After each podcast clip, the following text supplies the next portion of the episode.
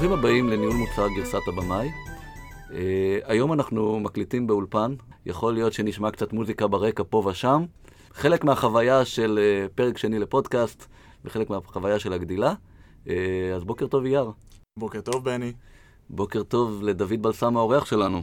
בוקר טוב בני. דוד בא לדבר איתנו על uh, סקואדים, uh, נושא חם ומעניין. Uh, דוד, ספר לנו קצת על עצמך. טוב, אז אני דוד בלסם. אה, כמו שדיברנו פה לפני רגע, דבר ראשון, אני אבא לשלושה ילדים, יש לי תינוק חדש אה, בן שישה שבועות, אז אה, זה משרה מלאה בפני עצמה. אבל חוץ מזה, אני lead product manager בחברה שנקראת Freightos. Freightos היא חברה שנמצאת בירושלים, והיא חברה שמתעסקת בעולם השילוח, אז כמו Kayak ו Booking dot com, או לתעופה או למלונות, אנחנו עושים אותו דבר לעולם השילוח. זה בעצם אומר שאם אתה צריך, קנית עכשיו נגיד 100 אה, מיקרופונים, כמו שאנחנו מסתכלים עליו עכשיו, ואתה צריך להעביר אותו מסין לארצות הברית, אז אתה קנית את המיקרופונים, אבל הם צריכים לעבור.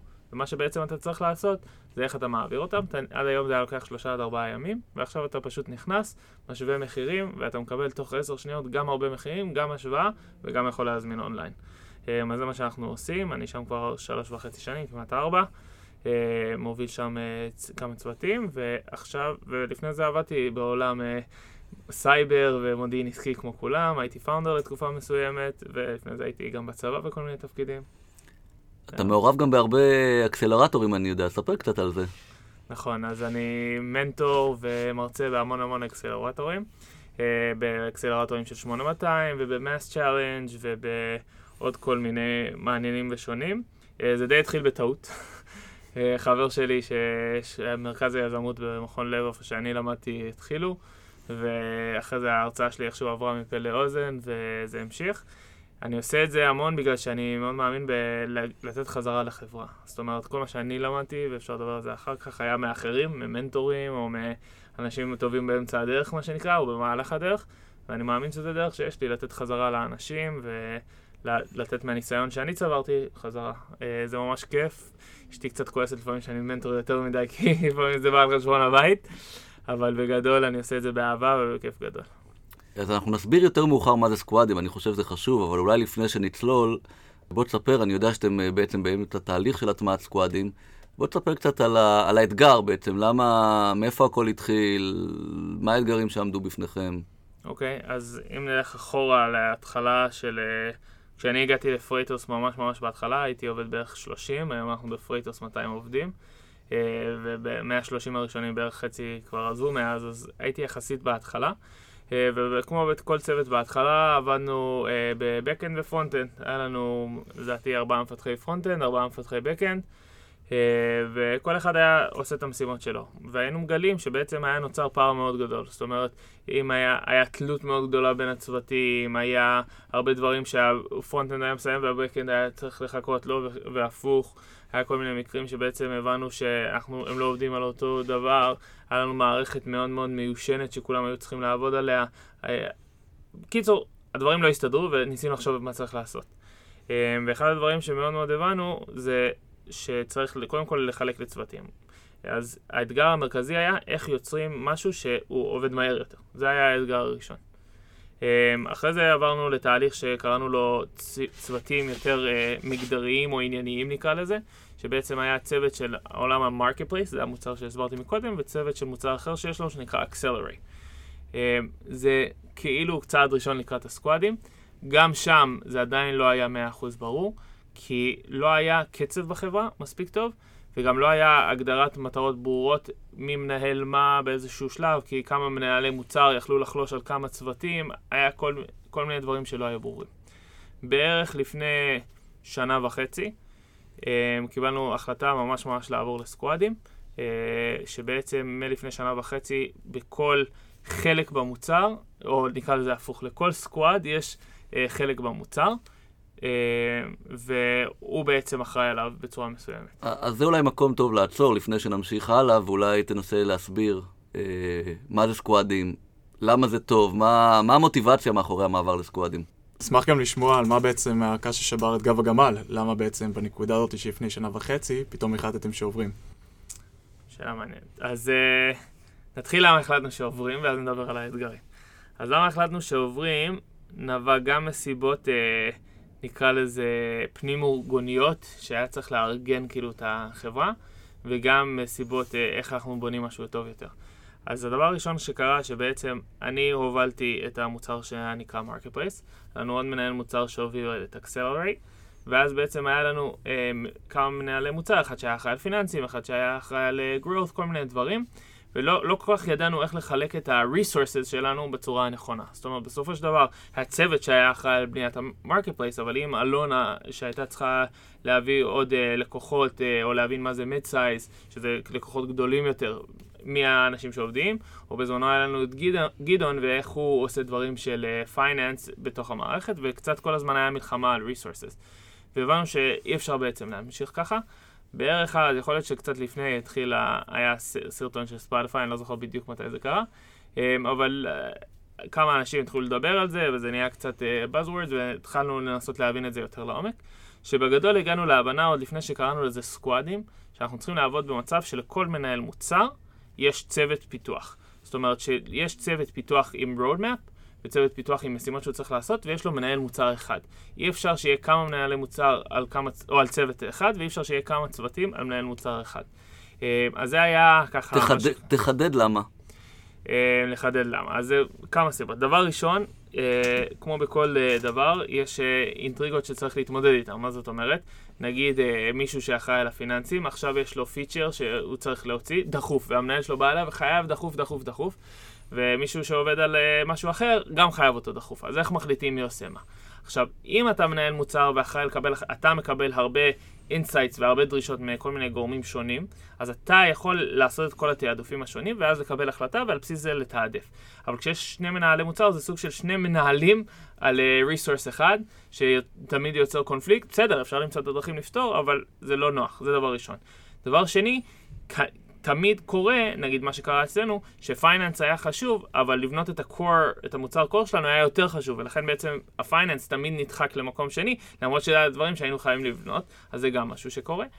אה, ודבר אחרון, זה גם מאוד מאוד מבלבל אה, כל פעם לצוות הפיתוח לעבוד עם מנהל מוצר אחר. זאת אומרת, אתה מייצר איזושהי סינרגיה וצורת עבודה שבסופו של דבר אנחנו אנשים שונים, ולוקח זמן עד שיוצרים איזשהו קשר, וזה מאוד תלוי באמון שנוצר בין אנשים, ולכן הרבה יותר קל כשזה צוות שעובד ביחד. מעניין. מה, תוכל לתת לנו את הסדר גודל, כמה מנהלי מוצר אתם, כמה מפתחים? כן, אה, ואני עוד צריך לחזור לשאלה שלך על האתגרים. אה, אז אנחנו היום, בגדול, יש לנו את אלונה שאחראית על ה-buyers, יש לנו את אה, אבישי שאחראי על ה-sellers, יש לנו את יניב שאחראי על finance, ואותי שאחראי על מה שאנחנו קוראים לו execution. תחתיי uh, יש uh, מנהלת מוצר אחת גל ואנחנו נגייס עוד שתיים, אז מי שחפש uh, להיות מנהל מוצר בירושלים מוזמן לפנות אליי. ותחת uh, אלונה גייסה עוד מישהו, קיצור, עוד כמה מתחתנו, סך הכל נגיד בערך uh, שבעה. אה, ובעצם לכל, לכל צוות יש אה, אה, צוות פיתוח. צוותי הפיתוח יכולים לזוז בין שלושה, ארבעה מפתחים. לי נגיד כרגע יש צוות פיתוח של שבעה מפתחים כי בנינו מוצר משלים, אז הוא היה קצת גדול יותר, אבל זה זז בין שלושה לשבעה, שמונה מפתחים. אז אני רוצה קצת להוסיף באמת על, על המודל של ספוטיפיי. אנחנו כמובן נשים לינק לסרטון ומאוד מאוד מומלץ לצפות בו. אה, אבל בעיניי הדברים החשובים, אה, והזכרת אותם ככה באופן חלקי, אה, זה empowerment ואוטונומ... ואוטונומיה. כלומר, זה בעצם הבעיה כשהצוות גדל ואתה רוצה לשמור על איזשהו כן מודל סטארט-אפי בתוך הארגון ולא VP product אחד שמחליט על הכל, אז חלק מהמטרה של מעבר לסקואדים זה לאפשר לצוותים קטנים להיות מאוד, מאוד אוטונומיים, ובעצם במקום להגדיר להם אה, להגדיר להם אה, איזשהו KPI או objective שמקושר מאוד מאוד ל-business, אה, ולתת להם לחפש איך מתמודדים איתו. נכון. לא להגדיר להם פיצ'רים, אלא להגדיר להם מה המטרה, ולכו תגלו ביחד. גם מאוד מאוד מעצים את, ה, את הפיתוח יחד עם מנהלי המוצר, ולא מנהל המוצר עובד במגדל השן שלו והפיתוח מבצעים. נכון מאוד, אז אני יכול קצת להעריך על בעצם השינויים שאנחנו עוברים ואיפה אנחנו נמצאים היום. אז uh, בגדול, אנחנו היום עוברים ממש ממש לעבוד במה שאני קורא לו Impact Driven uh, Product Development. כנראה שלא אני המצאתי את זה, כנראה שמישהו אחר, אבל אני אוהב את המשפט הזה. אה, שמבחינתי יש בו כמה דברים מאוד חשובים.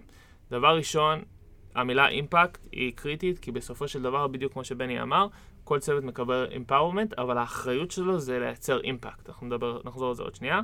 ואז Impact Driven Product Development. מה זה אומר? ש-product ו-Development הם חלק מאותו משחק. זה לא יותר, אין יותר את המשחק הזה שיש מנהל מוצר שהוא יושב, כמו שבני אמר, במגדל השן והוא רואה דברים מסוימים והמפתחים יושבים אה, וכותבים קוד.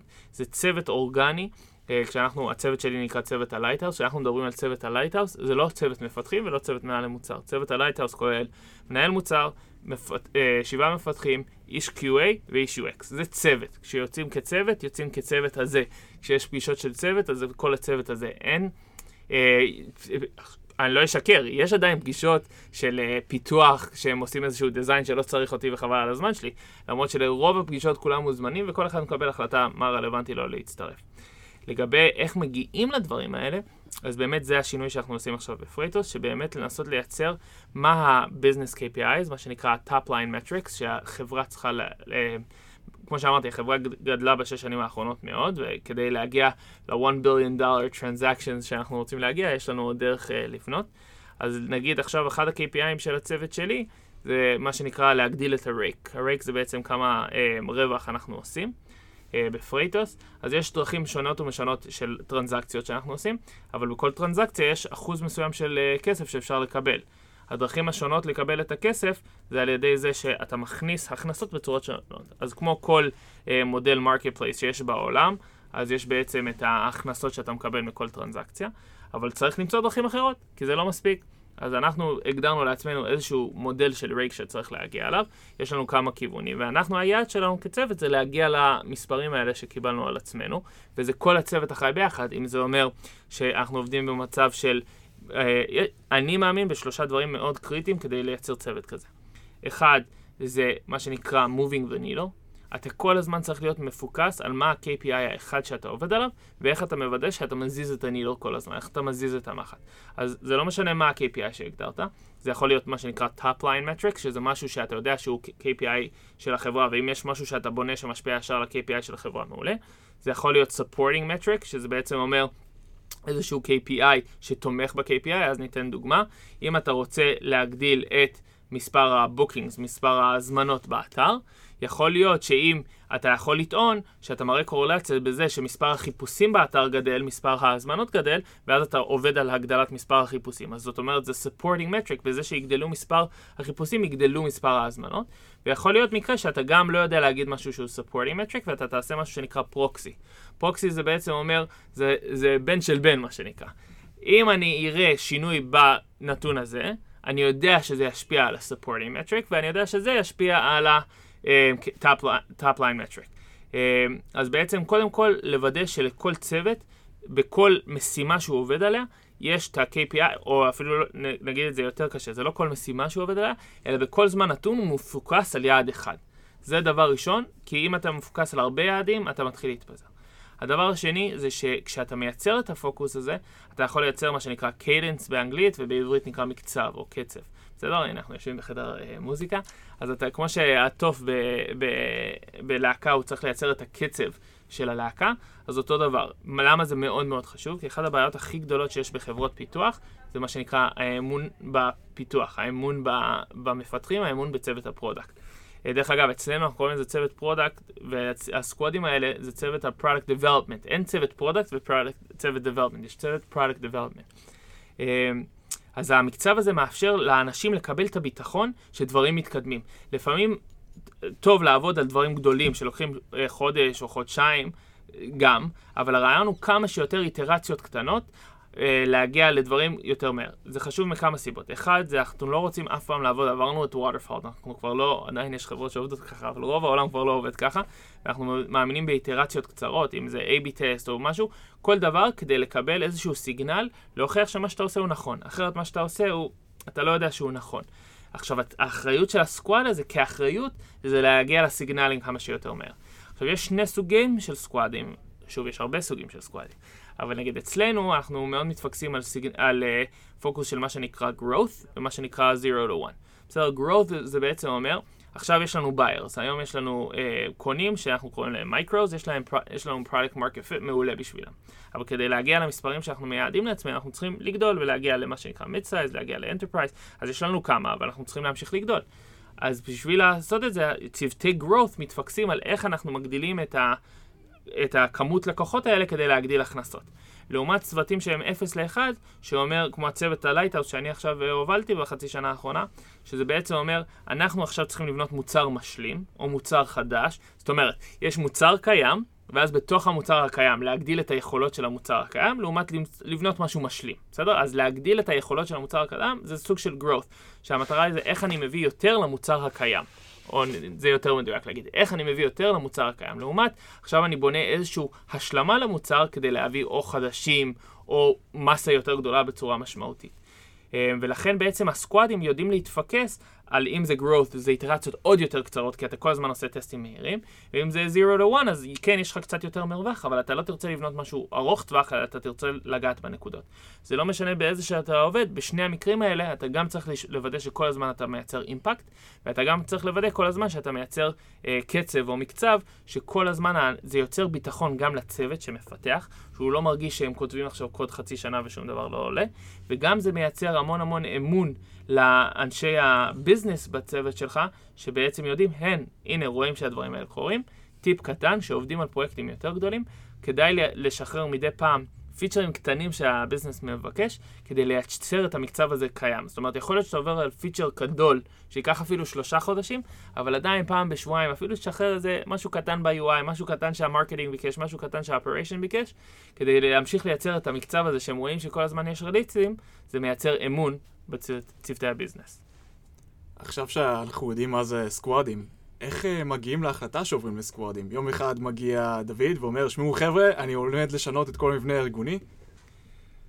טוב, אז אני לא המנהל של כולם, אז אני ודאי לא יכול לעשות את זה. Uh, דרך אגב, בתור מנהל מוצר אני בגדול, טוב, היום אני מנהל מנהלי מוצר, אבל בגדול בתור מנהל מוצר, במיוחד בסקוואד, שאתה מנהל מוצר של, של סקוואד, אתה לא מנהל אף אחד בעצם. זה אתגר לא פשוט, אה, אבל אה, איך אתה מקבל את ההחלטה למה שאתה אומר, אז אה, ככה. אני חושב שזה נבע מה, מהמון תאריכים שכמו שדיברנו בהתחלה, שהבנו שמשהו חסר. ומתוך ההבנה של מה חסר, הצלחנו להבין מה חסר לנו בחברה ומה אנחנו רוצים לשנות.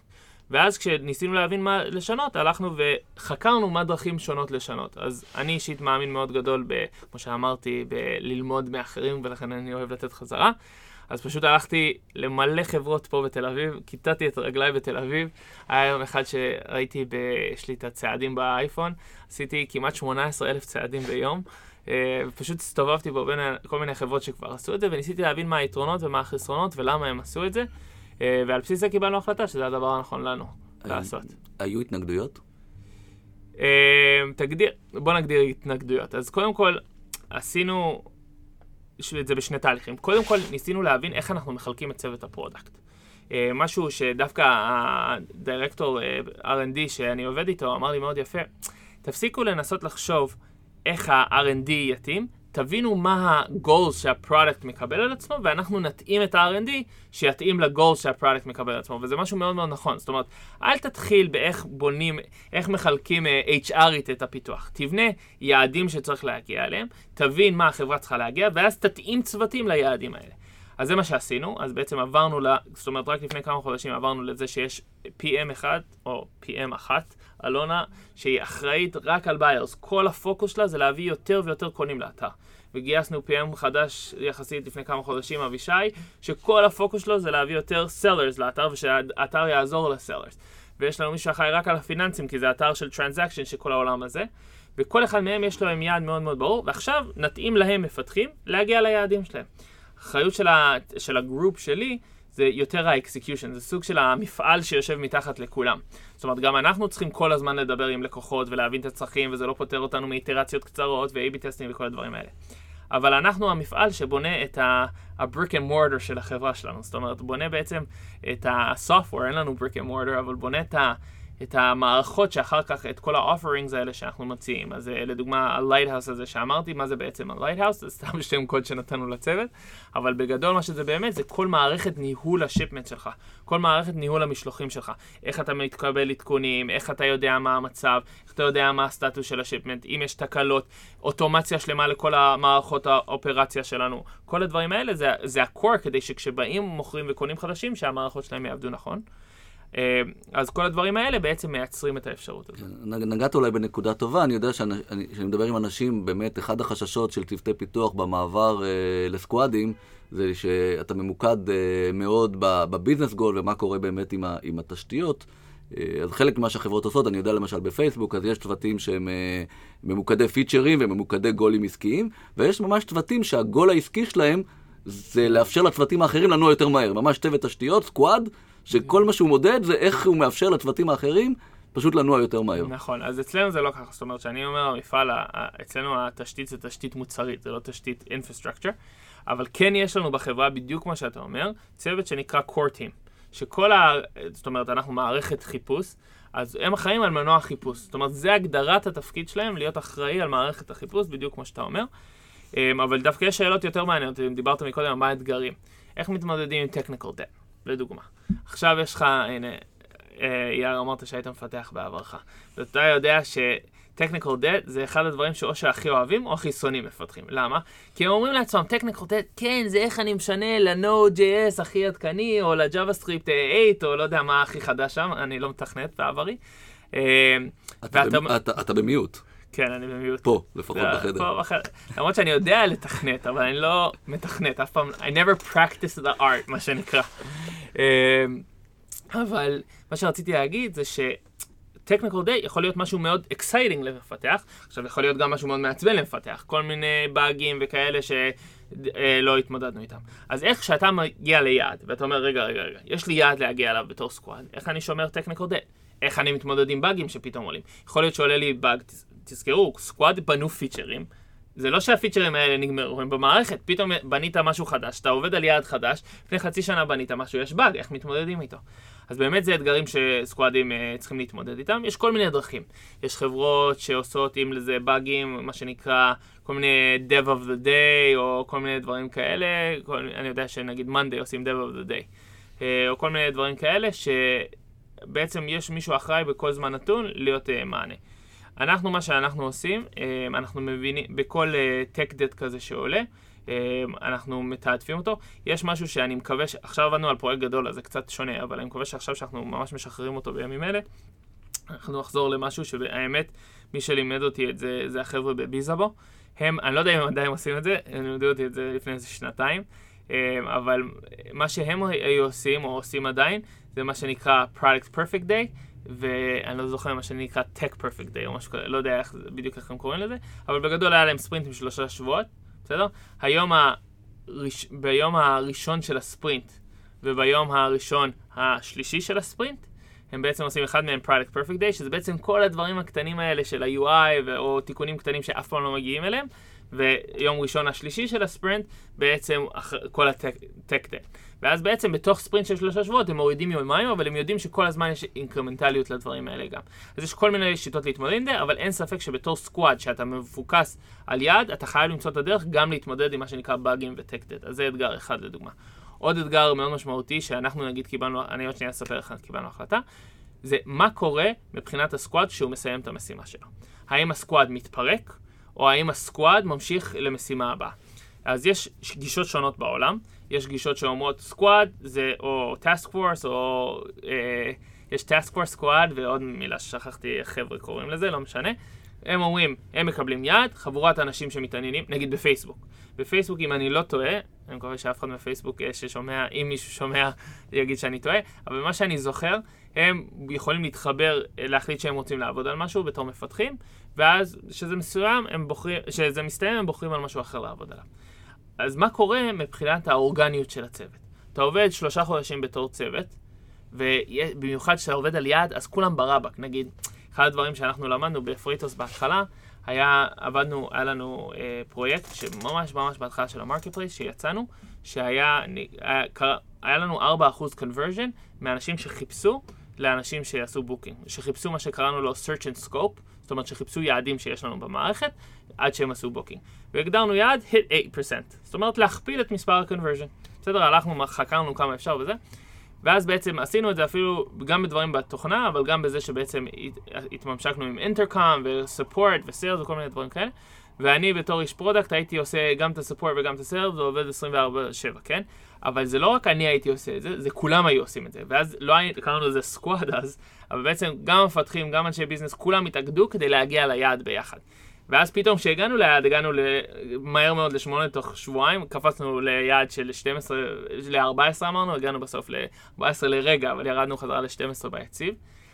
אה, בסופו של דבר, כשנגמר המשימה ואתה רואה שאתה יציב על 12, אז כאילו הצוות הזה מתפרק. ואז מה שהבנו, זה שאחד הדברים שאנחנו מאוד מאוד אה, רוצים לעשות עכשיו בסקואדים שלנו, שברגע שאתה מייצר סקואד, הוא נשאר אורגני, המשימות שלו, או היעדים שלו יכולים להשתנות, אבל הצוות עובד כי, עובר כסקואד שלם ליעד הבא.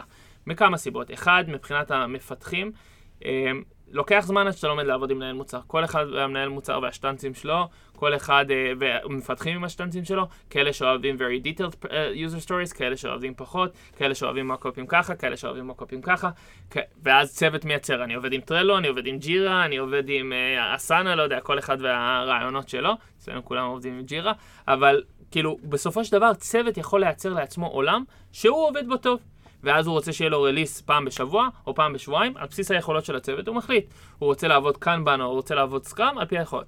אז אחד האתגרים זה איך מייצרים את האורגניות הזאת, שדברים כל הזמן משתנים. אנחנו מאמינים בזה של להשאיר צוות אורגני, כמו שאמרתי, ולהעביר את הצוותים האורגניים בין המשימות. אני יודע שיש חברות שלא עושות את זה, כי הם מאמינים שדווקא המעבר הזה בין האנשים, אה, אה, בין הצוותים, הוא בריא לחברה.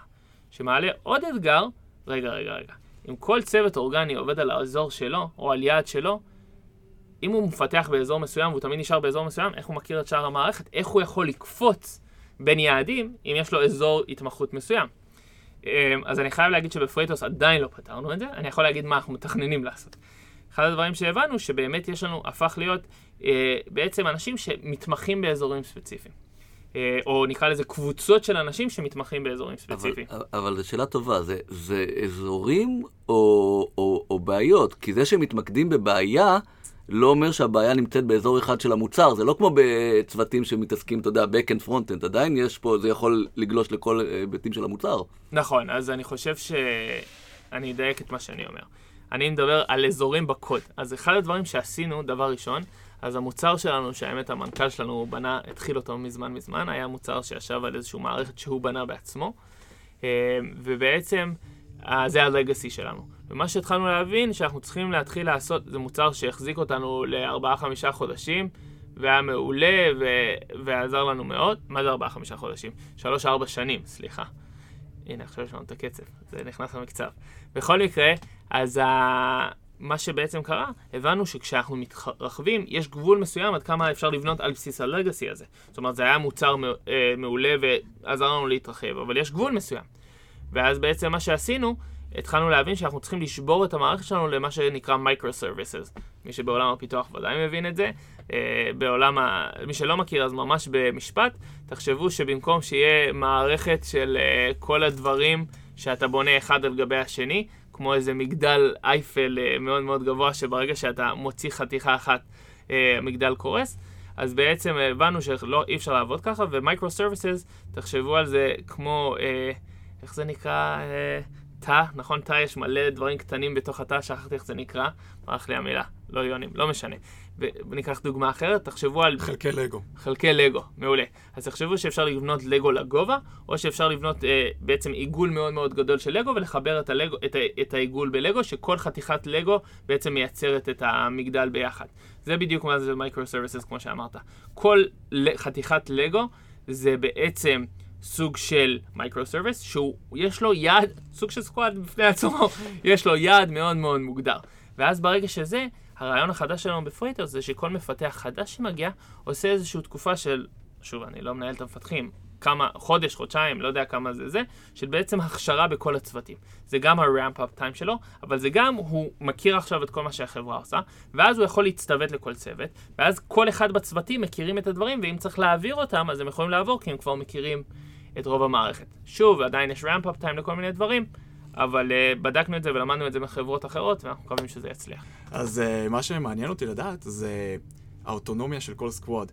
עכשיו, דווקא מהבחינה הטכנולוגית גם, האם זה אומר שכל squad יכול בעצם לפתח באיזה שפה שהוא רוצה ובאיזה מתודולוגיה שהוא רוצה? כי קצת דיברת על זה, אמרת שכולם ב Jira בסך הכל, זה סתם היה בדיחה, אבל אה, כן לרמת האוטונומיה שיש לכל squad.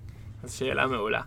אז אחד הדברים שאנחנו מנסים אה, לעבוד עליו בפרייטוס, אה, וזה באמת איך אנחנו מייצרים אוטונומיה לצוות, אבל אה, נקרא לזה אוטונומיה מבוקרת, בסדר? בסופו של דבר, אם אתה בונה microservice ב-Node.js, אבל הוא יודע להתממשק עם שאר ה microservices, זה לא משנה.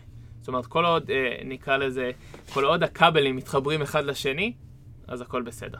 כן, אנחנו מנסים לשמר איזשהו משהו, זאת אומרת, רוב החברה מפתחת את ה-Backend שלנו ב-Java או ב-Node, וה frontend שלנו ב React, בנינו framework ל React, אז זה כן שייך החברה הזה, אבל אני מאמין שככל שנגדל עכשיו, נצטרך למצות גם את הרצונות של המפתחים, וזה כנראה לאן שנלך. אבל שוב, נחזור עוד שנה ונספר איך היה. אנחנו מקליטים פה ב, ב, בחדר אה, עם להקות, אז אם, אה, אם אתם שומעים מוזיקה, אז מסתבר שהחדר לא אטום, אבל אולי יום אחד הלהקה לא תהיה מפורסמת ו... כן. אתה יודע, נגיד שהיינו שמענו שם. בפודקאסט, בדיוק, שמענו בפודקאסט. דווקא יתרון, זה מוזיקת רקע נהדרת, אני חושב. אה, כן. אה, דוד, כמה, כמה אנשים בפיתוח היו כשהתחלתם אה, בעצם להטמיע את הסקואדים? שאלה טובה, בערך, לא... יש לנו רק שאלות טובות היום, אל תדאג. כן, אה? כן. אז צריך לחשוב על זה. אז היה לנו בעצם צוות... טוב, זה התחיל כזה איטרטיבי, זאת אומרת, זה לא שכל החברה עברה לסקוואדים ישר. אז היה לנו בעצם, מה שאמרתי, היה צוות backend וצוות frontend. ואז עברנו למה שקראנו לו צוות marketplace וצוות accelerate. אה, בתקופות האלה, לדעתי, בכל צוות היה בין ארבעה לחמישה, שישה, אני לא זוכר בדיוק אה, כמה. זה עוד לא היה סקוואדים. בשלב הבא, באיטרציה הבאה, התחלנו לצוות מנהלי מוצר לצוותים, נגיד לפני שנה וחצי, שבעצם מה שקרה באותו שלב, היה לנו את ה marketplace, והיה צריך להתחיל לבנות את ה lighthouse שדיברתי עליו. אז אלונה לקחה אחריות על כל ה marketplace, אני לקחתי אחריות על כל ה lighthouse, ולכל אחד מאיתנו קיבל מפתחים, ול accelerate היו מפתחים. ול finance היו מפתחים. אז בעצם נוצרו ארבעה צוותים, של כל, שלכל מנהל מוצר יש ארבעה צוותים. בתקופה הזו אמ, עדיין לא היה lighthouse, התחלנו לגייס מפתחים, אבל הגענו לשבעה, שמונה מפתחים, give or take, בסוף. Um, לאלונה היה בתקו... ארבעה, חמישה בתקופת שיא שמונה, um, ו... וליניב יש בערך ארבעה, חמישה, משהו כזה, אבל אתה יודע, זה כל הזמן הולך וגדל. אני אני שואל במקום, אה, אני יודע שדיברתי עם הרבה חברים, אמרו, מתחת למאה קצת קשה להטמיע סקואדים, אה, ואני יודע, באוגורי נגיד היינו פחות מ-30 מפתחים כשהתחלנו להטמיע סקואדים, וזה היה אתגר. זה היה אתגר כי בעצם לא יכולנו בהתחלה לעשות סקואדים מלאים. אה, התחלנו לעשות סקואדים עם, אני קורא לזה עם חורים, ומפעם לפעם בתור אה, מי שהוביל את קבוצת הניהול המוצר, הייתי צריך לפתור בעיות בין סקואדים ולהגיד, בצורה חריגה אני מזיז את מפתח המובייל מסקואד לסקואד לשבועיים, כי, כי צריך, כי הם חסר להם. נכון, אה, אז, אז אני חושב שנגעת בשלושה דברים, ננסה לגעת בהם. אחד, זה האם יכול, ה, כמה חשובה או חשובה שלא תהיה התלותיות בין הצוותים, זה אחד. שתיים, מה זה בעצם סקווד, מה הוא מכיל בתוכו, מי האנשים. ושלוש, מה קורה כשמשהו לא עובד. אז ננסה לגעת אחד בש... אחרי השני, תזכיר לי אם שכחתי, אתה נראה לי מקשיב לי טוב. אז הראשון, אמרנו, זה בעצם מה עושה, בוא נתחיל דווקא מהאמצע, מה מכיל סקווד, בסדר? אז אה, אין תשובה נכונה. squad מכיל את כל, אולי זו התשובה הנכונה. squad מכיל את כל האנשים שיכולים לעזור להגיע ליעד. כשהתכוונתי אין תשובה נכונה, לפעמים זה יכול לכלול איש marketing, ולפעמים לא צריך איש marketing. לפעמים זה יכול לכלול איש BI, ולפעמים לא צריך איש BI, בסדר? זה מאוד מאוד תלוי בצוות אה, שבעצם, סליחה, ביעד שצריך להגיע אליו. אם squad יכול להכיל כל דבר שעוזר להגיע ליעד, אז מה קורה לדוגמה כשאתה נמצא בחברה שאין לך 30 אנשי, אה, טוב הגזמתי עם 30 סקוואדים, נגיד יש לך חמישה סקואדים, אין לך חמישה אנשי marketing לחלק בין ה squad. אז כן יכול להיות לך אנשים שהם, אה, נקרא לזה over the squad. קח דוגמה, עכשיו אנחנו מגייסים אה, agile coach, כדי לנסות להפוך את הצוותים שלנו לעוד יותר אג'ילים, אה, והוא לא יהיה שייך ל squad, הוא סוג של coach מסביב. אה, מה כן צריך שיהיה בסקואדים בצורה חד-חד ערכית כדי שסקואד יעבוד? אחד, זה PO, שמוביל את, ה, את הכיוון, שתיים, זה מפתחים, אם יש לכם אנשי QA בחברה, אז שלוש, זה QA, וארבע, זה איש UX, בסדר? שהם, נקרא לזה ארבעת, אם אין אה, QA, אז שלושת, אבל אם יש, אז ארבעת אבני היסוד, כדי להצליח להגיע למשימה, כי בלעדיהם אי אפשר להגיע למשימה. עכשיו, אם המשימה היא רלוונטית ל marketing, זה מעולה. אם במשימה יש הרבה הרבה דאטה ואיש ה product אה, וה-UX לא יודעים להתמודד עם זה מספיק טוב, אז לפעמים צריך BI. זה תלוי מאוד מאוד בצוות. עכשיו, מה קורה כשיש תלותיות? אז אה, לדוגמה, נתת דוגמה שצריך להעביר את האיש mobile. אז באמת קורה שלפעמים אה, יש צוותים או סקואדים שהם לא אחראים על משימות או על יעדים, הם אחראים על קונספט, כמו מובייל. בסדר? אז לדוגמה במובייל, אה, זה צוות שכנראה יעבוד למערך טווח. ואז אפשר לקבל שתי החלטות בסקואדים. או שאפשר להגיד, אני מסיים את כל מה שאני צריך כדי להגיע ליד, או אני אומר, I'm carving out, אני חותך חלק מהעוגה ומעביר לצוות אחר, אם לצוות הזה יש פנאי. אמ, אנחנו מתמודדים עם המון אתגרים עם הקישוריות. נגיד, אנחנו, הצוות שמפתח עכשיו את מה שקראתי לו ה-execution, מאוד תלוי בצוות הפיננסי, כי הוא צריך לשלוח דברים לפיננסי וצריך לקבל דברים מה, מהפיננסים. ונגיד, היה לנו מקרה שהיינו אמורים לצאת live עם אה, חלק מהמוצר, והיה איזושהי בעיה במשהו במערכת הפיננסית אה, השתבש. עכשיו, אם משהו במערכת הפיננסית משתבש, כאילו, חלאס על העולם, שום דבר לא יותר חשוב, צריך שהמספרים שלנו יהיו מעודכנים, אי אפשר ש... אנחנו לוקחים כסף מאנשים.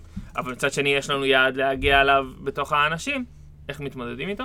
ולכן בעצם פה המנהלי מוצר חייבים כל הזמן לעבוד בצורה הדוקה כדי לייצר את, ה, את הסינרגיה ביניהם. אז באמת, אנחנו יכולים להמשיך לדבר על, אה, על סקואדים עוד, עוד הרבה שעות. אני חושב שזה ככה מקום, אה, מקום טוב אה, ללכת לסיום. אולי נדבר קצת על הצד, ה, הצד הרגשי אה, של המעבר לסקואדים. אה, האם היו צוותים אה, ש, ש, שקצת היה להם יותר קשה? אני יכול לתת לך דוגמה, למשל צוותי אלגוריתמים, או צוותי ריסרצ', שאתה יודע, עובדים קצת בקיידנס אחר. צו... הצוותים אצלנו שעובדים על מוצרים עברו בגדול לסקואדים. יש לנו צוותי infrastructure, כמו שאמרת, אחד נקרא צוות ה-core, ואחד נקרא... אה, אה, זה נקרא צוות ה-Cloud, בסדר? Okay. אוקיי. צוות ה-Cloud וצוות ה-Core, שזה על האלגוריתם של ה-Pricing ו-Routing שלנו, לא עובדים בסקואד. בסדר? הם עובדים כצוות R&D Core.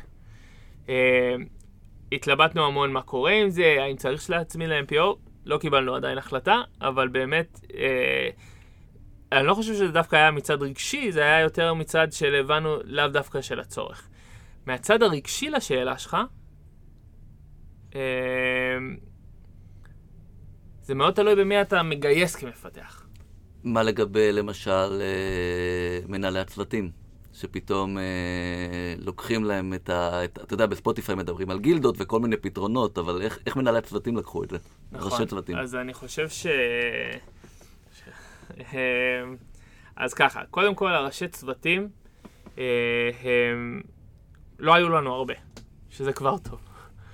זאת אומרת, זה טוב ולא טוב, אבל זה הקל, על העניין שאתה אמרת. Uh, בהרבה צוותים, uh, בסקואדים טובים, אפשר שיהיה ראש צוות. זאת אומרת, אפשר שה-PO והראש צוות יובילו את הסקואד ביחד, uh, זה לגמרי אפשרי. האם זה תמיד ככה או לא ככה, זה בהתאמה. אצלנו במזל לא היה. מה שקורה היום, שבאמת כמעט לכל סקואד יש ראש צוות, והוא כאילו אחראי HRית, אבל אנחנו מנסים כמה שיותר שכולם יהיו שותפים. אוקיי, okay. אה, כמה טיפים אה, ככה לסיום? אה, אולי איזה טייק אווי למאזינים שיקחו מהפרק? במיוחד עם כל הניסיון שלך, אחרי שכיתת את רגליך בתל אביב וחקרת אנשים אחרים איך עושים את זה. שאלה טובה. טוב, די, אמרתי את זה מספיק. באמת יש לכם שאלות טובות. אה, אז ככה, אני חושב ש... אני חושב שדבר ראשון, לכו ללמוד. תפסיקו לחשוב, אנחנו כמנהלי מוצר, או אני לא אגיד אנחנו, אני כמנהל מוצר, הרבה פעמים טועה בגדול וחושב שאני יודע יותר מדי, ואני צריך תמיד לזכור שהפעם מישהו אמר לי, בצוות שלי, שהיה איזו ישיבה שאני הייתי, ה... כאילו אמרתי, חלאס, אני מוביל את זה עכשיו, חייבים להגיע מא' לב', אה, זה. כלומר, אין היית פסרטיידר מעולה, וזה, אמרתי לו למה. הוא אמר, כי לא, לא הגדרת שום דבר, אבל וידית שכולם מגיעים לנקודה שרצינו להגיע. ואני חושב שזה קצת אה, מדמה את מה שצריך. זאת אומרת, תבינו בתור מנהלי מוצר שיש לכם יעד שאתם רוצים להגיע אליו, לכו ת, תלמדו מהאנשים האחרים שיעזרו לכם להגיע ליעד הזה. תשבו עם מנהלי מוצר בחברות שעשו את זה כבר, אתם מוזמנים לבוא להתקשר אליי, לשלוח לי מייל, אה, אפשר לשים את ה... למצוא אותי בלינקדאין או פייסבוק, להתחבר אליי, ואני בשמחה אדבר איתכם על זה. אני מפחד מאשתך עכשיו. אתה באמת צריך לפחד. סתם, אשתי מתוקה וחמודה והכל טוב, יש לי נסיעות ארוכות לירושלים, אז יש לי הרבה זמן לדבר בנסיעות. אמ, אז זה הדבר הראשון, לכו ללמוד, אל תתביישו, אני תמיד אומר, אה, אם אתם מנהלי מוצר כבר, אז תלמדו מנהלי מוצר ותיקים יותר, אם אתם עוד לא מנהלי מוצר ואתם רוצים, תלמדו ממנהלי מוצר אחרים. יש המון המון דרכים שונות ללמוד היום ממנהלי מוצר, יש את ה-product lead שבני מנטור בו, ויש uh, עוד כל מיני מקומות ומיטאפים וכאלה שאפשר uh, להכיר. תמצאו מנטור, תמצאו מישהו שאתם יכולים ללמוד ממנו, זה הטיפ הכי חשוב. דבר שני זה באמת ללכת uh, ללמוד עצמאית, באינטרנט יש המון, כמו שאמרתם יש את הלינק, אפשר להסתכל על זה והכל. Uh, והדבר האחרון האחרון, באמת באמת באמת לבוא לכל התהליך הזה עם ענווה גדולה. אל, ת, אל תחשבו שאתם טובים יותר, הסקוואד זה באמת כל המטרה שלו, כמו שבני אמר בהתחלה, זה empowerment, זה לא אתה כמנהל מוצר מוביל, אלא אתם כצוות תגיעו ביחד ליעד, וכשתבין את הכוח, ש... או את תבין או תביני את הכוח של הצוות, תצליחו להגיע ליעדים מהר יותר. אז, אז אולי כמה דברים באמת מהצד שלי ומהחוויות שלי של הטמעה ואי הטמעה. אז אחד, גם בצוות קטן, אה, היום אנחנו, היום אני נמצא בסטארט-אפ אה, שזה 15 אנשי פיתוח, זה עוד מוקדם מדי לסקואדים, אבל אפשר לחשוב סקואדים. כלומר, עדיין אי אפשר לחלק לסקואדים, אבל כשאני חושב על ה roadmap שלי וכשאני חושב על המטרות, אז אני שם כאילו יש לי סקואדים, שם גול, שם initiative, ואז יכול להיות שכרגע הסקואד זה בן אדם אחד או בן אדם וחצי, למרות שהוא לא יודע שהוא סקואד, אבל זה עדיין מאפשר לחשוב ביחד על, ה, על הבעיה ולהיות יצירתי. Mm-hmm. Uh, הדבר השני, צריך לזכור, זה תהליך, כמו שאמרת. Uh, צריך להיכנס לזה כתהליך. Uh, לכל חברה מתאים משהו אחר, צריך למצוא את, ה, את הבלנס הנכון, גם כשמטמיעים תהליך, לא משנה אם זה סקואד או תהליך אחר, צריך למצוא את הבלנס שממש ממש מתאים לחברה. והכי חשוב אולי, וזה משהו שאני לפעמים נתקל ש, שהוא לא מובן מאליו, שזה לא נושא של ה product ולא נושא של ה-R&D. זה חייב להיות בשיתוף פעולה. אה, הקטע הזה שתהליכים שייכים ל-R&D, אה, אני חושב שכמנהלי מוצר חייבים להוציא לזה משהו שאנחנו צריכים למצוא את התהליך שעובד לנו אה, ביחד כדי להביא impact יותר גדול. כן, אז אני, האמת שאמרת בסוף את המילה שרציתי להגיד, רציתי להגיד שמבחינתי הדבר הכי חשוב לזכור בסקואדים, זה שהסקואד זה לא המטרה. הסקואד זה דרך להגיע למטרה. המטרה זה לייצר אימפקט בחברה. אם היית בחברה קטנה, כמו שבני אומר, ובן אדם אחד יכול לייצר את האימפקט, לא צריך סקואד. אם היית יכול להיות, פעם המנהל שלי אמר לי, התווכחנו עם, אה, על האיש QX, משהו פה ושם. הוא אמר לי, תגיד לי, אם יכולת ללכת לעצב, לכתוב קוד, לעשות את זה, ו... היית עושה הכל לבד, או שהיית מביא אנשים אחרים? אז התחלתי להגיד לו, אתה יודע, אני רוצה עוד... אמר, עזוב, עזוב, עזוב, תגיד דוגרי. היית עושה... ברור שהיית עושה הכל לבד, כי היית עוד מגיע לזה הכי מהר. היום אנחנו מבינים שיש את הכוח לקבוצה להגיע לדברים טובים יותר וכולי. אבל בסופו של דבר, הרעיון של הסקואד, צריך לזכור, הוא לייצר אימפקט. הוא להזיז את המחט, הוא לייצר מקצב. אם הסקואד לא עוזר לכם לייצר מקצב או לייצר אה, הזזה של המחט, אל תהיו בסקואדים. הסקואד זה נטו דרך להגיע למטרה, ואסור להתבלבל, נכון שדיברנו על סקואדים וכמה זה טוב או לא טוב בפרק הזה, ה squad זה רק דרך אל המטרה. אז, אז, אז אתה יודע, אני חייב להגיד, גם אם הייתי יכול לעשות הכל לבד, אני, אני בעד צוות.